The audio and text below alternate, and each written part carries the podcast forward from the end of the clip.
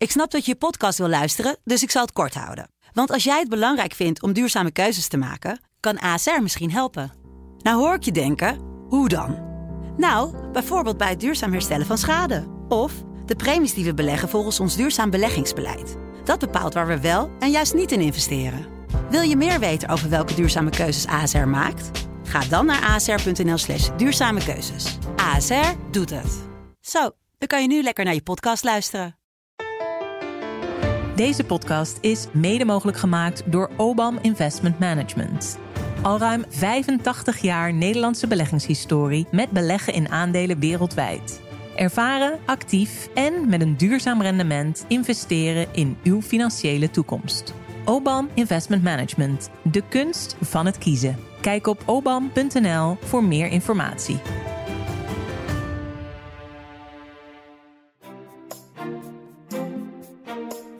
Als je gezonde mensen met een goed inkomen steeds meer laat betalen voor een gezondheidszorg waar vooral anderen gebruik van maken, zet dat juist de solidariteit onder druk. Dit is Kwestie van Centen, een podcast van de Financiële Telegraaf met Martin Visser en Robert Ophorst. Wat een soap, hè, Martin? Wat een soap. Enorm. Je zit me nu vragend aan te kijken. Nee, ik ben het inmiddels wel gewend. Dat je, Ja. dat je geen idee waar je over begint. Nee, en heb ik het, eh, ga eh, gewoon neutraal antwoorden. Ja, nou, maar ik heb het over het landbouwakkoord. Volg je dat een beetje? Oh, dat, ja, ja, ja. Nee, dat volg ik op eh, hoofdlijnen. Ja, even voor de duidelijkheid. We nemen dit op woensdag op. Dus dan we- we- weet je als luisteraar een beetje in welke fase van de ontwikkeling we zitten. Maar Zeker, tegen de tijd dat dit luistert kan het nog drie keer mislukt zijn. Ja, precies. nou, ja. Het, het, het wil maar niet lukken. Maar eh, je volgt het dus wel een beetje op hoofdlijnen. Ja, behalve dat ik dat, dat het, ik vind het heel moeilijk in te schatten. eh, dan stapt een LTO eruit. Ja, wie heeft nou nu een punt? Is het fair als ze eruit stappen of niet? Klopt het inderdaad dat het kabinet te weinig perspectief biedt? Dat is best wel moeilijk om daar een goede vinger achter te krijgen. Wat, eh, Ja. Of de boer inderdaad eh, niks geboden wordt. Ja. Want het geld kan niet liggen, maar is bakken geld beschikbaar. Dat zou je ook zeggen, ja. Nee, onze collega Mike Muller van de parlementaire redactie, die, eh, die volgt deze onderhandelingen natuurlijk eh, nou letterlijk dag en nacht. Ja. Hij heeft bijna permanent een tentje opgeslagen bij eh, Villa Ockenburg in Den Haag, geloof ik, waar de gesprekken zich voortslepen, dan weer afgebroken worden en Ja. dan gaat het weer verder. Ik zat wel even te kijken, maar een van de kernwaarden van Villa Ockenburg, staat op de website, is de natuur koesteren en mensen verbinden op een duurzame manier. Ja. Nou, daar, daar kan er niet aan liggen, toch? Nee, maar dat is in ieder geval in dit geval een beetje... Daar kan geen boer het mee oneens zijn, lijkt ja, me. En, ja, nou, dat is een beetje mislukt in dit geval. Ja. Dus, eh, nee, het is, maar ja, het is wel cruciaal, want zo komen we natuurlijk niet verder. Toch? Bedoel, om eh, de hele stikstofimpasse op te lossen is het wel eh, van groot belang. En ja, doorgaans is LTO van de verschillende boerenorganisaties toch de meest meegaande, als ik het zo mag zeggen. Meest coöperatieve. Ja, het is wel tekenend dat het dan ook allemaal niet lukt. En blijkbaar is het allemaal te vaag. En er is al een paar keer het proces is Rutte erbij gehaald. Meestal als je natuurlijk chef zag gemaakt, dat is eigenlijk het moment dat je door moet doen. Weet je het nog een tijdje geleden dat Rutte in de nacht erbij werd geroepen. En dat hij de volgende dag ook eh, volgende, bij het weglopen zei van... Ja, ik was toevallig toch in de buurt. Ja, Weet je dat ja. nog? Toen kwam hij in zijn oude saap. Klopt, ja, dat, is natuurlijk, dat is natuurlijk bespottelijk. Dat kan ik me herinneren van het pensioenakkoord. Op het moment dat je Rutte erbij haalt. Dat is het moment dat de finale deal moet worden eh, gemaakt. Maar dat het toen niet gebeurde. Maar hij alleen maar bij werd gehaald om te voorkomen dat het zou klappen. Dat was al veelzeggend over hoe slecht het ervoor stond. Ja, dat zegt misschien ook wel wat over de invloed van Rutte zelf. Waar het voorheen, eh, als hij werd ingevlogen, dat het dan eh, over de streep werd getrokken. Dat het nu eigenlijk alleen maar kan voorkomen dat het niet klapt. Ja, nou, toen mijn pensioenkort was het overigens ook. Ik heb nog een reconstructie gemaakt. En ook met de vraag is Rutte er te vroeg bijgehaald. Want dat is wel het idee, hè. Van je haalt pas je opperhoofd erbij. eh, als hij een doorbraak kan forceren. Dan moet die doorbraak er wel komen. En vandaar dat hij Rutte toen ook zei van... Nou, ik was er toevallig toch. En eh, om zo klein mogelijk Mhm. maken. Eh, nee, dus ook wel, hij kan dat ook niet blijkbaar meer forceren. Maar goed, wie weet wat er allemaal nog gebeurt. Tussen het moment van opnemen en het moment van online staan. En in de weken daarna. Ja, we gaan het volgen. Al gaat het eh, niet heel snel allemaal, eh, maar misschien dat het nu in een stroomversnelling komt. We gaan het eh, deze kwestie van centen hebben over ons eh, zorgstelsel. Want dat staat flink onder druk door de almaar stijgende kosten en eh, toenemende personele tekorten. Blijft onze zorg straks betaalbaar en zijn er überhaupt nog wel mensen om die eh, zorg te verlenen? De Raad voor Volksgezondheid, eh, voor de Volksgezondheid en Samenleving presenteerde daar deze week een eh, alarmerend rapport over en kwam prompt op de proppen met de aloude nivelleringsriedel van de inkomensafhankelijke zorgpremie. Een opmerkelijk rapport om een aantal redenen, stel jij Martin. Daar gaan we over doorpraten. En natuurlijk gaan we het uitgebreid hebben over die eh, inkomensafhankelijke premie. Een, een doembeeld waar ze bij de VVD nog steeds wel eens schreeuwend en zwetend van wakker schrikken, geloof ik. 9% eh, van eh, de mensen is al zorgmeider. Dus die komt eigenlijk niet meer op de plek waar die moet zijn. Het betekent ook dat mensen niet de zorg krijgen die ze nodig hebben. Dat het te lang duurt. Dat huisartsen eindeloos aan het leuren zijn met het patiënt. Dat ze een verpleeghuis of een wijkverpleegkundige vinden. Maar ook dat we problemen niet op de goede manier oplossen. De grens is bereikt, de rek is eruit. Het kan zo niet langer. Met uh, die onheilspellende boodschap presenteerde de Raad voor de Volksgezondheid en Samenleving, de RVS, deze week een rapport over de toekomst van ons zorgstelsel. Dat zorgstelsel moet grondig op de schop, concludeert de RVS onder leiding van uh, oud-PVDA-politica Jet Bussemaker, die we hier hoorden bij uh, Nieuwsuur. het rapport heeft de naam Met de stroom mee. Ik gun mevrouw Bussemaker natuurlijk van harte haar baantje, maar hebben we daar nou echt een nieuw rapport voor nodig? Nou, wat opvalt is dat in dit advies er heel veel nadruk wordt gelegd op de toegankelijkheid en solidariteit in de gezondheidszorg. Dat is een wat andere benadering dan uh, wat de afgelopen jaren vooral zagen, waar het vooral ging om, om de kosten. Daar gaan we ongetwijfeld uitgebreid over doorpraten, desondanks, mm over die kosten. Dus de insteek is echt wel een heel erg andere. De zorgen zijn er over de grote arbeidsmarkttekorten die er zijn. Ook uh, de vacatures in de gezondheidszorg, waardoor niet alle zorg geleverd kan worden. Zorg bij deze adviesorgaan over de fragmentatie. Dus het is helemaal versnipperd en versplinterd. En dat zou dan ook komen door de concurrentie die geïntroduceerd is in de gezondheidszorg in 2006. Zorgen over solidariteit. Dat mensen die ziek zijn in verhouding veel meer moeten betalen voor gezondheidszorg dan mensen die gezond zijn. Ja, en dan komen ze inderdaad met een heel aantal aanbevelingen die ervoor moeten zorgen dat de zorg toegankelijk blijft, de kwaliteit hoog en betaalbaar. Mhm. Eh, de, de publieke waarde, toegankelijkheid, kwaliteit en betaalbaarheid. Dus dat is een beetje de insteek van dit advies, waarbij er ja, een beetje op twee gedachten wordt gehinkt in de zin van moet er een heel nieuw zorgstelsel komen of niet? Nou, helemaal nieuw ook weer niet, maar er is wel groot onderhoud nodig. Ze vinden ook dat het kabinet wat tweeslachtig is over wat er aan het zorgstelsel moet gebeuren. Maar die tweeslachtigheid heeft dit advies eigenlijk ook. Ja, dat onderhoud is wel dusdanig groot, wat volgens hun nodig is aan het hele systeem van zorgverzekeringen en zorgaanbieders, dat je toch wel kan spreken van een stelselherziening. Nou, dat heeft mhm. doorgaans nog wel wat voet in de aarde. Ja, die tekorten van die medewerkers, eh, hoe nijpend zijn die dan? Nou, die zijn natuurlijk wel heel groot, dat je op allerlei plekken wel ziet dat daardoor uh, wachtlijsten ontstaan. We weten bijvoorbeeld in de GGZ dat daar eh, enorme wachtlijsten zijn. We weten rondom huisartsen dat tekorten zijn. Eigenlijk op allerlei onderdelen van de gezondheidszorg zijn er tekorten. En je ziet dus dat ja, lang niet altijd meteen de juiste zorg kan worden geboden. En dat wordt ook wel gesteld in het stuk van er is heel lang gestuurd op het beheersen van de totale zorg, ook in de zorg zien van de zorgkosten, mhm. met de gedachte van ja, het is overvloedig aanwezig, we moeten het alleen in de tang zien te houden. Dat is ook een analyse die Wouter Bos, oud-minister en inmiddels de baas van Mens is, een van de grootste zorgverzekeraars in Nederland, ook onlangs in een interview gaf. Ja, eh, we gingen uit van het beheersen van die overvloed en nu is er eigenlijk een grote schaarste. Dus dat is een heel ander soort vraagstuk. En ons huidige stelsel is daar eigenlijk niet op, op, op toegespitst. Nee, dat is dan, dat is dan de, de analyse. En het interessante of het opvallende vind ik dat de, deze raad er ook op wijst. Die beweert dus ook dat die fixatie die we hebben op de kosten van de zorg, juist ook die arbeidsmarkttekorten misschien min of meer veroorzaakt heeft. Nou, dat vind ik nog een gewaagde stelling. Onder de mom van de beheerser van totale zorgkosten konden er niet te veel mensen worden aangenomen. Maar datzelfde werk moest worden, wel worden gedaan. Ging de werkdruk omhoog. En mhm. werd de zorg geen aantrekkelijke werkgever. Er zijn dus mensen weggejaagd vind ik een interessante analyse. Ik, ik miste nog een beetje de bewijsvoering daarvoor. Maar goed, dus zij vliegen dus eigenlijk het hele punt van de houdbaarheid van de zorg van een hele andere kant aan. Meer van de, uh, deels van de zachte kant, zeg maar, de softe kant mhm. van solidariteit en die publieke waarde. Maar ook meer vanuit arbeidsmarkt dan vanuit kostenperspectief. Ja, want even over die uh, kosten ook. Um, eind 2021 kwam er ook een rapport uit van de Wetenschappelijke Raad voor het Regeringsbeleid, de WRR. Daar heb jij destijds ook over geschreven. Ja, en die gaan wel vol op het orgel over die kosten. Die schrijven van alle welvaartswinst gaat op aan medische kosten. Ja. De gezondheidszorg groeit zo hard dat die andere publieke voorzieningen zoals onderwijs wegdrukt. Tussen nu en 2060 verdrievoudigen die kosten. En straks werkt niet meer één op de zeven mensen in de zorg, maar één op de drie. Tenminste, als we alle zorg willen bieden die dan nodig is. Ja, precies. Nee, dus dat was een totaal andere insteek. Ik heb contact gezocht ook met de auteur van het BRR-stuk, eh, die uh, heel uitgebreid uh, terugmailde en ook wel wat overeenkomsten zag tussen beide adviezen. Mhm. Maar mij viel toch ook wel op echt een heel andere insteek. De BRR adviseerde overigens niet alleen op de financiële houdbaarheid, maar ook op de maatschappelijke houdbaarheid. En keek ook al naar de arbeidsmarkttekorten. Dus daar zitten wel wat raakvlakken. Maar ze komen wel op een aantal onderdelen tot totaal tegenstrijdige adviezen, omdat het beginpunt van waar je naar kijkt zo anders is. Bijvoorbeeld de WRR wijst inderdaad op dat de gezondheidszorg is ongeveer 13% van onze economie op dit moment. En dat wordt in 2060 wordt dat rond een kwart, 23 tot 27% van de economie.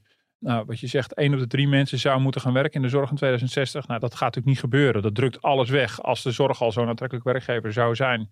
Nu zijn we gemiddeld per Nederlander 5000 euro kwijt aan zorg, gewoon in totaal. Of het nou gaat via de belasting of de premie, in totaal 5000 euro per Nederlander.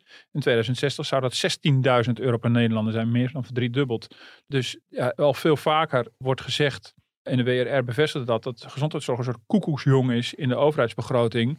Omdat het zoals een koekoek eh, de, de eieren van een vogel eruit kiepert. De gezondheidszorg ook als het ware het koekoeksei is wat al die andere eitjes ook wegduwt. Dus het kan niet anders dan een groot deel van de zorg is publiek gefinancierd nog steeds. Dat het heel veel andere prioriteiten wegduwt zoals onderwijs, defensie of, of wat je ook maar niet kan verzinnen. Als we niet op een manier die zorgkosten weten af te remmen. En de, en de Raad voor de Volksgezondheid en Samenleving, ja, die schuift dat heel gemakkelijk, vind ik, terzijde. En vindt dat we niet zo moeten fixeren op die zorgkosten. Die hebben het over een hardnekkig houdbaarheidsframe.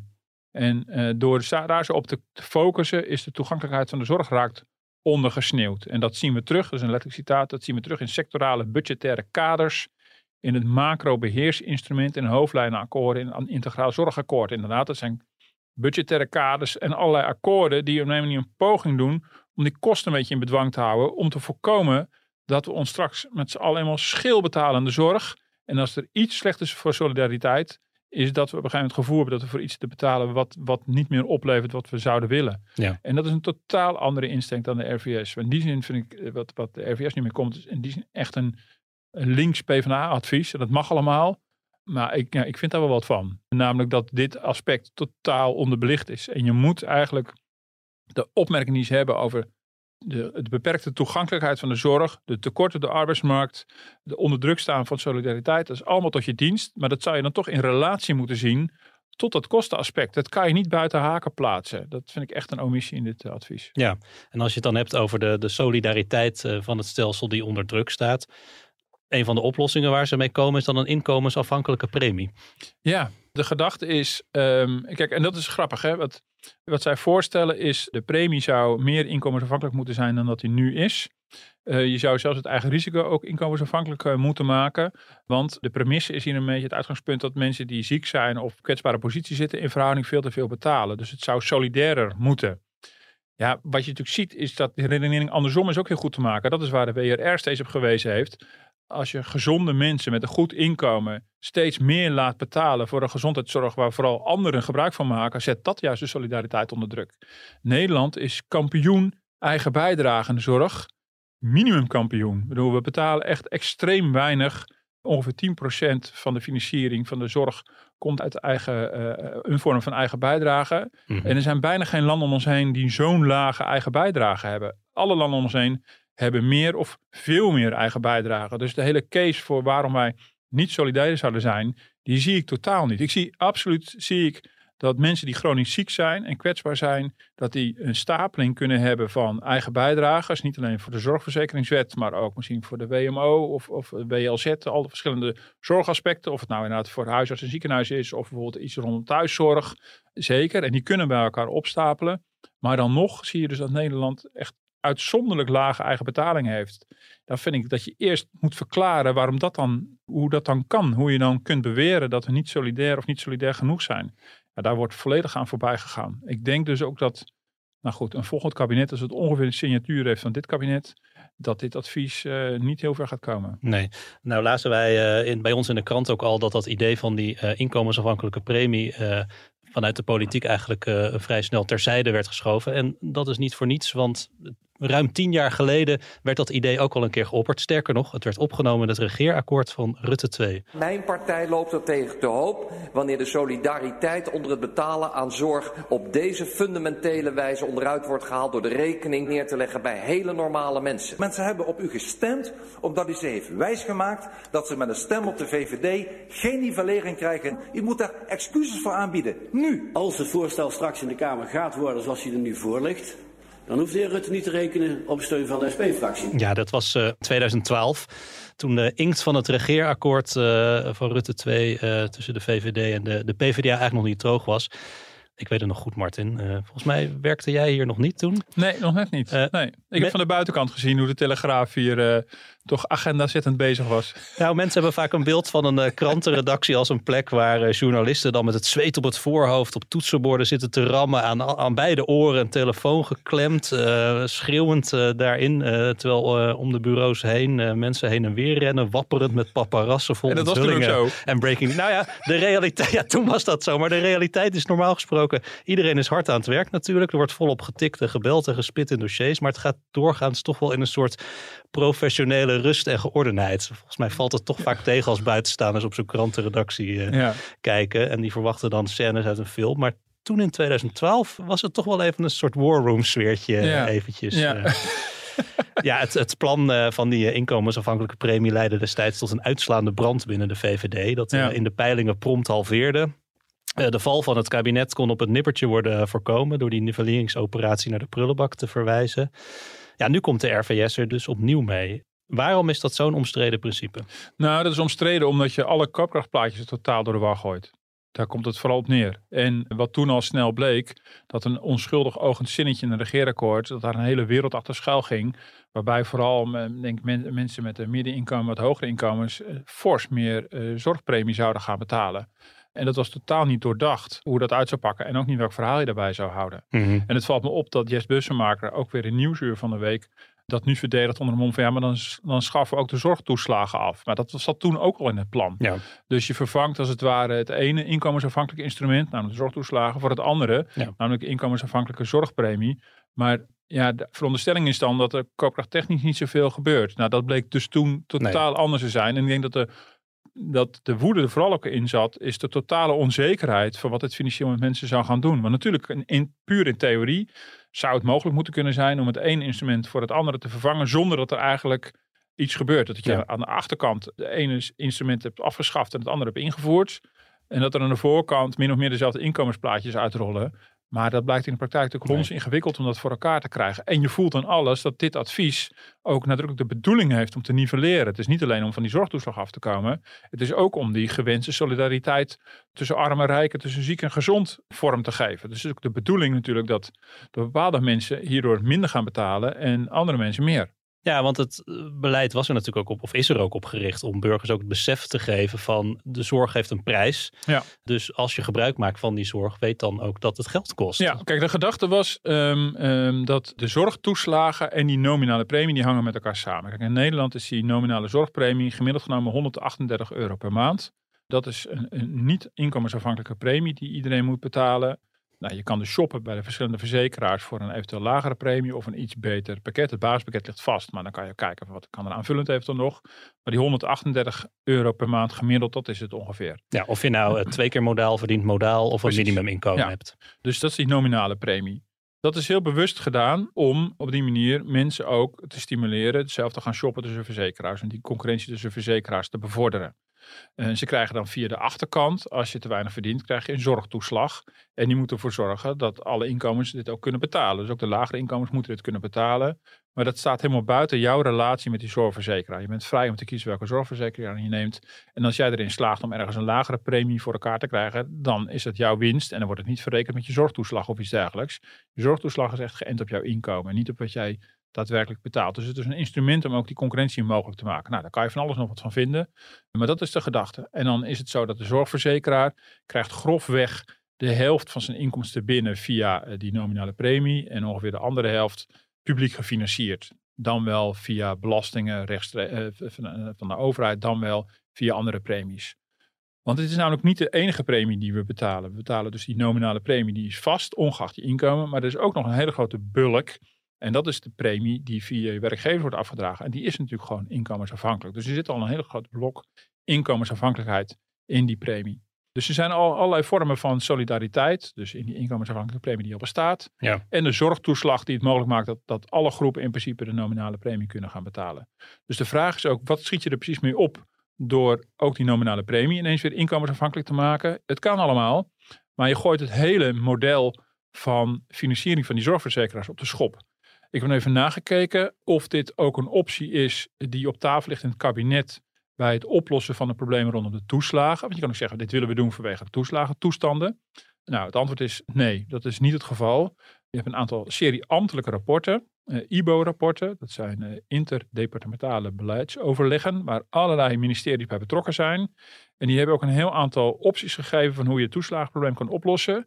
En deze optie, dus optie 15, wordt wel degelijk genoemd, maar er staat er dan bij, dit valt buiten het bereik van onze opdracht, want dit vergt namelijk een stelselherziening. Zodra je alle inkomensafhankelijke elementen gaat toevoegen aan die premie, dan, dan moet je ook helemaal opnieuw gaan nadenken over het hele concurrentiemodel tussen verzekeraars. Nou, Mhm. als je dat wil, dat mag allemaal tot je dienst. Als je vindt, nou dat heeft allemaal niet gewerkt, prima. Maar je bent echt bezig met een fundamenteel andere manier van die zorgverzekering eh, te organiseren dan tot nu toe gebeurt. En als je dan op deze manier ook nog eens een keer eigenlijk enorm aan het nivelleren bent.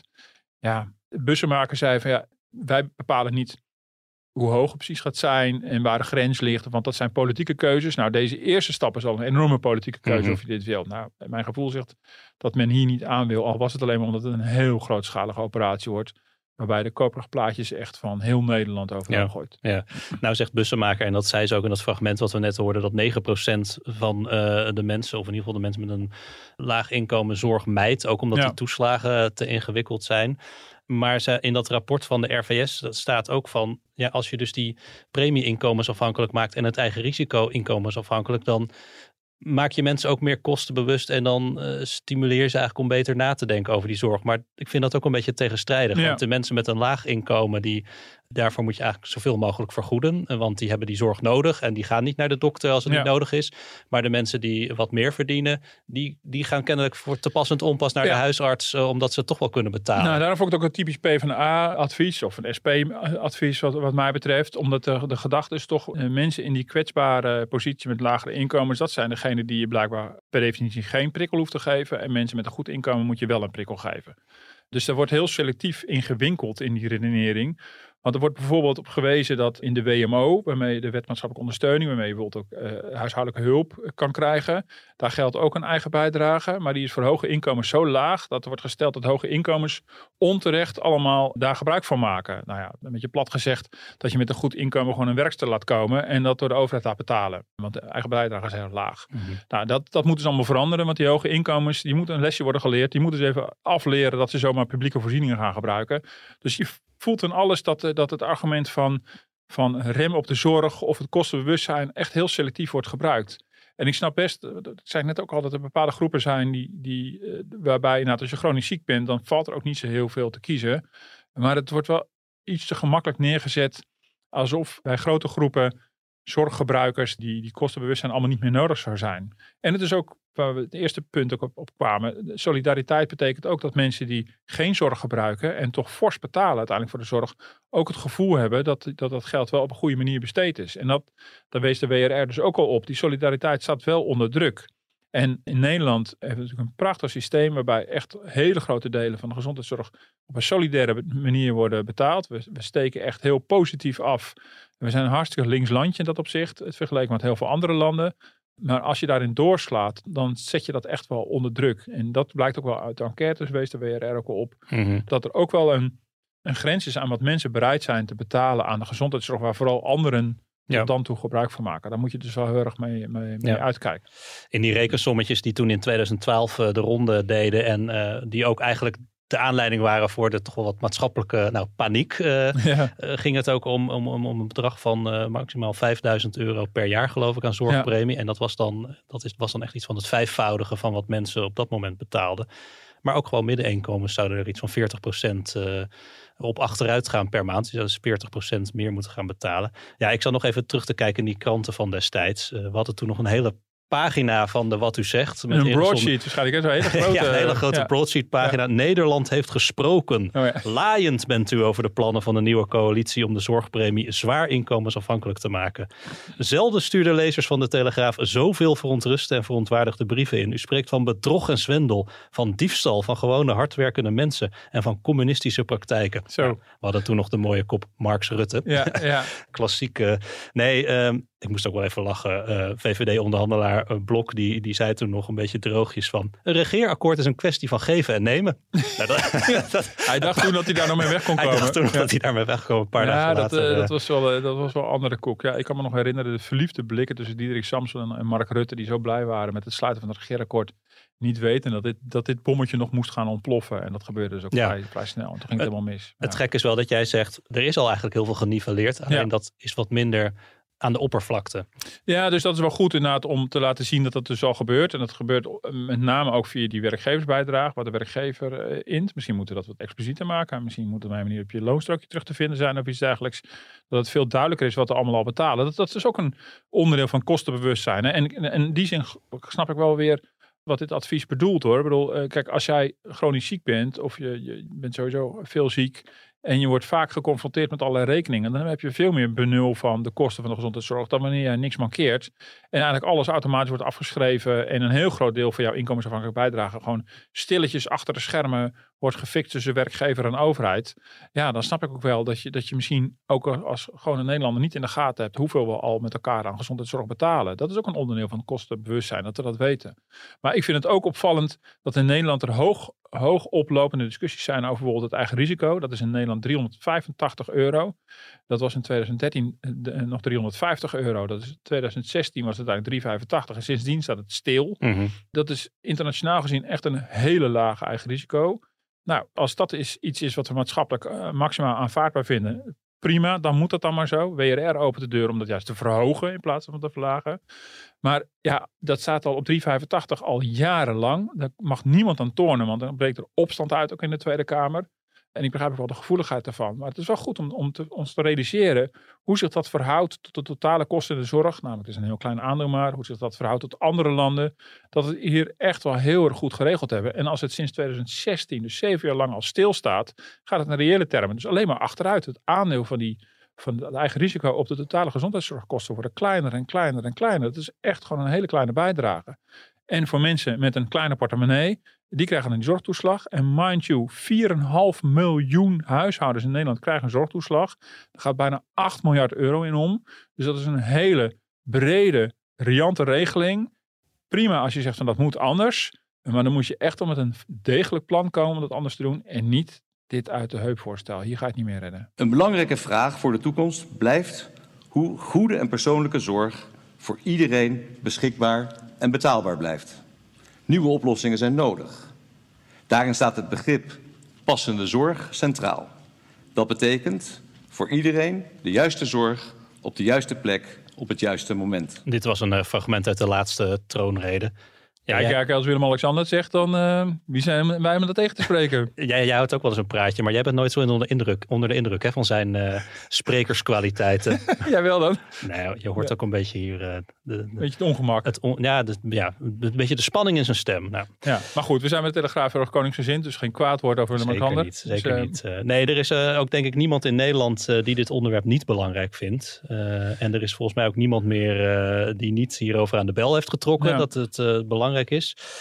Hebben we hier dan weer zo'n onoplosbaar probleem eh, te pakken waarvan we er in dit land eh, soms steeds meer lijken te krijgen? Nou, ja, ik wist natuurlijk dat we naar dit laatste blokje zouden gaan. En hier, hier eh, wordt het echt wel ingewikkeld. En ehm, dat is iets waar de, de, de- die raad Ja, maar jij hebt het rapport van mevrouw Bussemaker net, net weggegooid. terzijde Ja, geschoven. omdat, ook, omdat het voor de, vraag die de koning oproept ook geen antwoorden worden gegeven. Dus ja, daar kan de koning dus helemaal niks mee in zijn komende troonrede. Maar de antwoorden waar de WRR voorzichtig aan mee komt, die zijn ook niet echt heel lekker. Nee, want zij stellen bijvoorbeeld ehm, dat dwingende maatregelen rond roken, alcohol en ongezond eh, voedsel zullen helpen om de zorgkosten te verlagen. Zij zeggen eigenlijk van zorg nou dat mensen gewoon Gezonder leven. een gezonder leven. En Ja. dan komen ze met, eh, met, met dus accijnsverhogingen Ja. en andere belastingmaatregelen. En dan denk ik van, ja, we hadden eerder dit jaar nog een eh, rapport van het Centraal Planbureau waaruit bleek dat belastingen geen wondermiddel zijn om Nee. gedrag bij te sturen. Ja, Nee, dat klopt. Die hadden we overigens, uh, ja, interessant dat je dat er weer bij haalt. Maar, uh, Dit is zo'n rapport ja. waar ik eigenlijk te pas op de onpas mee wil wapperen. Belastingverhogingen hebben geen zin om het gedrag van mensen oh, te sturen. Oh, oh, oh.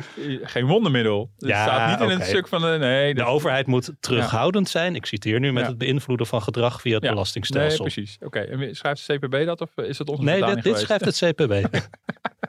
Nee, maar dat klopt. Zij hebben heel mooi op een rij gezet. Een soort meetlat met criteria hoe je zo'n belastingmaatregel eh, moet gaan meten. Wat wel en wat geen zin heeft.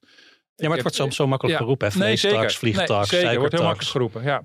En ik denk dat, dat gezond leven wel een, een van de oplossingen is. Maar dat is heel lastig om inderdaad allemaal af te dwingen. Dan komen we natuurlijk wel, ook wel weer in, in, eh, in conflict met onze, onze vriend inmiddels Paul Frisse. Die we onlangs in de krant hadden met een prachtig interview over het paternalisme van de Ja. overheid.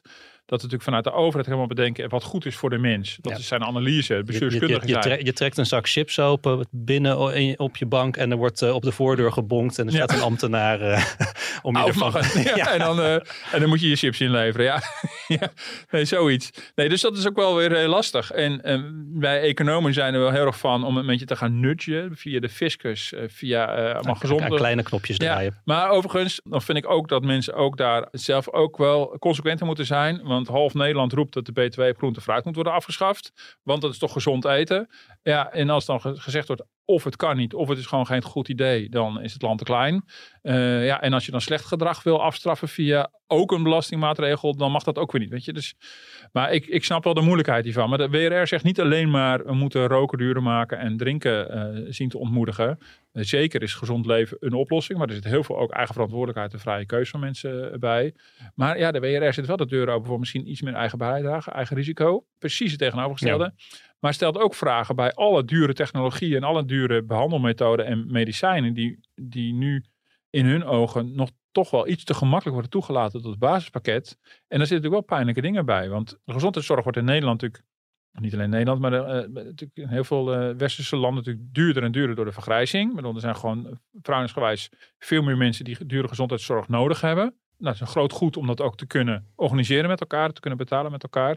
Maar de technologische ontwikkeling is natuurlijk daar een factor die daar nog los van staat. Dus Ja. even los van dat we met meer Nederlanders zijn Nee, en de- gemiddeld oudere De Nederlanders. behandelingen worden ook geavanceerder. Ja, en daar is natuurlijk echt een groot dilemma. Ik bedoel, Ja, Dat is echt maar een groot dilemma. Want je wilt toch heel graag dat nieuwe technologieën die Precies. bewezen zijn, ook, dat die ook toegankelijk zijn voor iedereen. En ja, daar moet je, je ontkomt er niet aan om daar heel kritisch naar te kijken. En sommige technologieën die zeggen van ja, ze werken wel. Maar de verhouding tussen wat het kost en wat het gezondheidstechnisch oplevert, is gewoon niet, dat Nee. slaat uit het lood. En dat is ongelooflijk pijnlijk. Maar als je het dan over eh, solidariteit hebt, ja, dan kom je richting zo'n systeem wat, waarvan ik soms heb het beeld dat het in Amerika bijvoorbeeld is dat als jij eh, die, die, die gloednieuwe scanner wil voor jouw eh, kankerbehandeling, ja, dan moet je aftikken. En dat Ja. kan je alleen als je, als je, als je tonnen verdient per jaar. Precies, en dat wil je natuurlijk ook weer niet. Want dat zou echt heel erg on-Nederlands zijn. Want ik zei, we zijn een heel links landje uiteindelijk en dat soort dingen. We zijn, we zijn al ontzettend solidair. En ik denk dat we de mooie kanten van het zorgsysteem ook niet kwijt willen raken. Maar goed, in het interview wat ik toen had bij de WRR was ook, was ook een opmerking van ja, er zijn bepaalde eh, behandelmethoden of bepaalde robots beschikbaar. En die zijn ineens niet, die is er niet in één ziekenhuis, maar die zijn er in een hele reeks ziekenhuizen. Ik bedoel, kan je daar niet veel kritischer in zijn? Nou, de huidige minister heeft ook al gekeken naar, naar allerlei dure kankerbehandelingen. Dat ligt allemaal super gevoelig. maar je ontkomt er denk ik niet aan om een aantal ziekenhuizen zich te laten specialiseren in een aantal dure behandelingen en daar ook bij te laten. Nou, die discussie in dat gesprek is er ook de hele tijd. Maar dat blijkt er toch heel vaak heel moeilijk als je bijvoorbeeld een heel duur medicijn uit het pakket wil halen.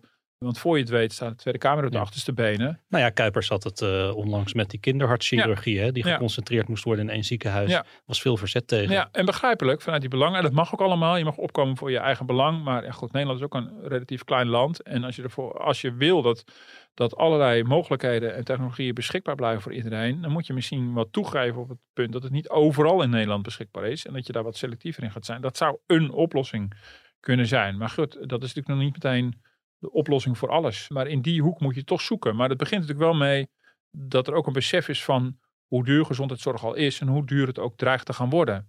En hoe groot het ook gaat worden. En we kunnen dat qua arbeidsmarkt gewoon totaal niet aan. Dus ergens moet daar een begrenzing op. En tot nu toe gebeurde dat op de vrij botte manier van al die akkoorden. Gewoon budgettaire afspraken. Omdat de, de marktwerking in de gezondheidszorg blijkbaar dat niet vanzelf oplevert. Uh, ja, de vraag is of dat ook houdbaar is. Dus dat we met elkaar gaan nadenken over, over de vormen van marktwerking die er nu zijn. Heeft het eigenlijk wel opgeleverd wat we ervan hoopten? ik denk dat het antwoord toch een beetje nee is. En dat, dat zet wel de deuren open om daar toch wel heel kritisch naar te kijken. Dus dat er iets van groot onderhoud nodig is en opnieuw kritisch kijken naar die concurrentiemodellen. Werkt dat nou eigenlijk wel? Ja, dat lijkt me wel reëel. Maar om nou in één keer weer over te stappen op het ouderwetse ziekenfonds. Met iedereen in, in zijn eigen regio een monopolie. Iedereen lekker samenwerken. Dat klinkt allemaal heel fijn. Ja, dat zal in praktijk alleen maar kostenverhogend werken. De rondvraag. Heb je nog wat moois, Martin? Ja, eh, zeker. Ik ga in de zomer een boekenrubriek uh, maken. Voor Oh. de zomerbijlage. Ik weet eigenlijk niet of het allemaal gaat helen. Of ik weet helemaal niet of het maar- geheim is überhaupt. maar- mag, mag ik dan zeggen dat aan mij werd gevraagd Ja. van, eh, weet je nog iemand? En dan heb ik jou getipt. Ja, kijk. Dat, eh, Dus ik heb jou weer opgezadeld met een klusje. nee, zo, oh, oh, zo zie ik dat helemaal niet. Ik ben heel erg blij. Dus, eh, dus, maar vertel. eh, acht keer, maar ik vind het veel te weinig. Ik bedoel, hoe kan je nou acht boeken selecteren? Uit alle boeken die ooit verschenen zijn en die ik ooit gelezen heb. Dat kan, is onmogelijk. Stiekem hoop ik dat, eh, dat het een vervolg krijgt. maar dit is acht weken lang geef jij elke week een, een Een, boekentip ja. gedurende de zomer. Nou ja, en ik zat te denken van eigenlijk moet ik die boeken opnieuw gaan lezen. Maar ja, om nou weer acht boeken te gaan herlezen in zo'n korte tijd. Maar ik ben wel begonnen deze week met het herlezen van Norwegian Wood van Murakami. Mhm. Dus dat En waarom is dat een zomerboek?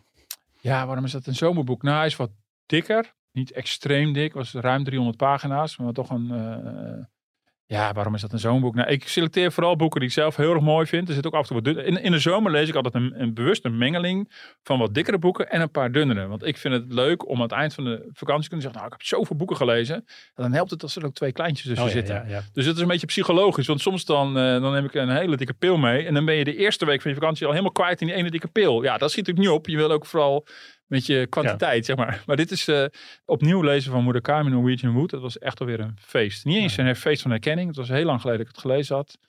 Maar eh, nee, een van die acht rubriekjes die zal Ja. zeker gaan over, de, over Leuk, dit, leuk. over dit prachtige boek. Weet je wat ik altijd heb? Ik, ik koppel in mijn herinneringen altijd heel erg de vakantie aan het boek wat ik destijds las en vice versa. Dus Oh ja. ik, weet dan nog precies waar ik op dat strand lag en wat ik toen las. Ja, dat, die herinneringen die heb jij, heb, je- heb jij een voorbeeld van een eh, locatie Nou ja, in een boek? Ik heb bijv- bijvoorbeeld, eh, was ik een keer op vakantie eh, op, eh, in Costa Rica. En toen, eh, ik, ik weet even niet meer de, de, de kustplaats, maar toen lag ik daar op het strand Catch 22 te lezen. Oh ja. En dat, dat, dat, die, die sfeer van dat boek en die sfeer op dat moment op dat strand, die hangen heel erg dan met elkaar samen mijn herinnering. Ja, Oh ja, Dus, eh, ja. Dat is gek hoe dat werkt. Ja, nee, ik weet nog dat ik een andere Murakami gelezen heb toen ik in Engeland op vakantie was, jaren geleden, waren de kinderen nog heel klein. En toen lukte het me eindelijk weer om één boek te lezen tijdens de zomervakantie. En dan van, oh ja, nou als, als ik ieder jaar weer, als de kinderen langzaam groter worden, ieder jaar één boek extra kan lezen, dan eh, ben ik heel blij. Maar ik was toen al blij dat ik er eentje had gelezen met, met die kleine kinderen waar je natuurlijk heel druk mee was. Het moet ook niet een te goed boek zijn, hè? want op een gegeven moment dan, als je er zo in zit dat je niet meer op dat, eh, op dat uitje wil of naar dat dorpje of eh, naar dat restaurantje. Nou, Omdat dat is precies helemaal... de kern van de discussie die bij ons elke zomer terugkomt. Ja. ik, laat mij maar lekker zitten. Want ik zit hier gewoon meer in het boek eerst even uitlezen. De ene vakantie leent zich daar beter voor dan de andere. Dat is wel waar, ja. ja. Nou, leuk, leuk. Als jij nog iets voor de rondvraag? Nou, ik heb eh, niks. Ik heb echt niks. Want komend weekend eh, heb ik gewoon niks. Mijn eh, vriendin is weg met ons zoontje de hort op. Zowel zaterdag als zondag. Dus er strekt zich een heerlijk eh, weekend vol niks voor mij uit. dus ik kan zelf bepalen wat ik ga doen. En misschien stap ik zaterdag wel even op de fiets en fiets ik richting de duinen. Dat zou zomaar kunnen. Of, of ik blijf op de bank liggen met een, eh, Met een boek? Ja, ja. Nou, klinkt heel erg goed. Ben benieuwd. Martin, dankjewel en eh, tot de volgende. Tot volgende week.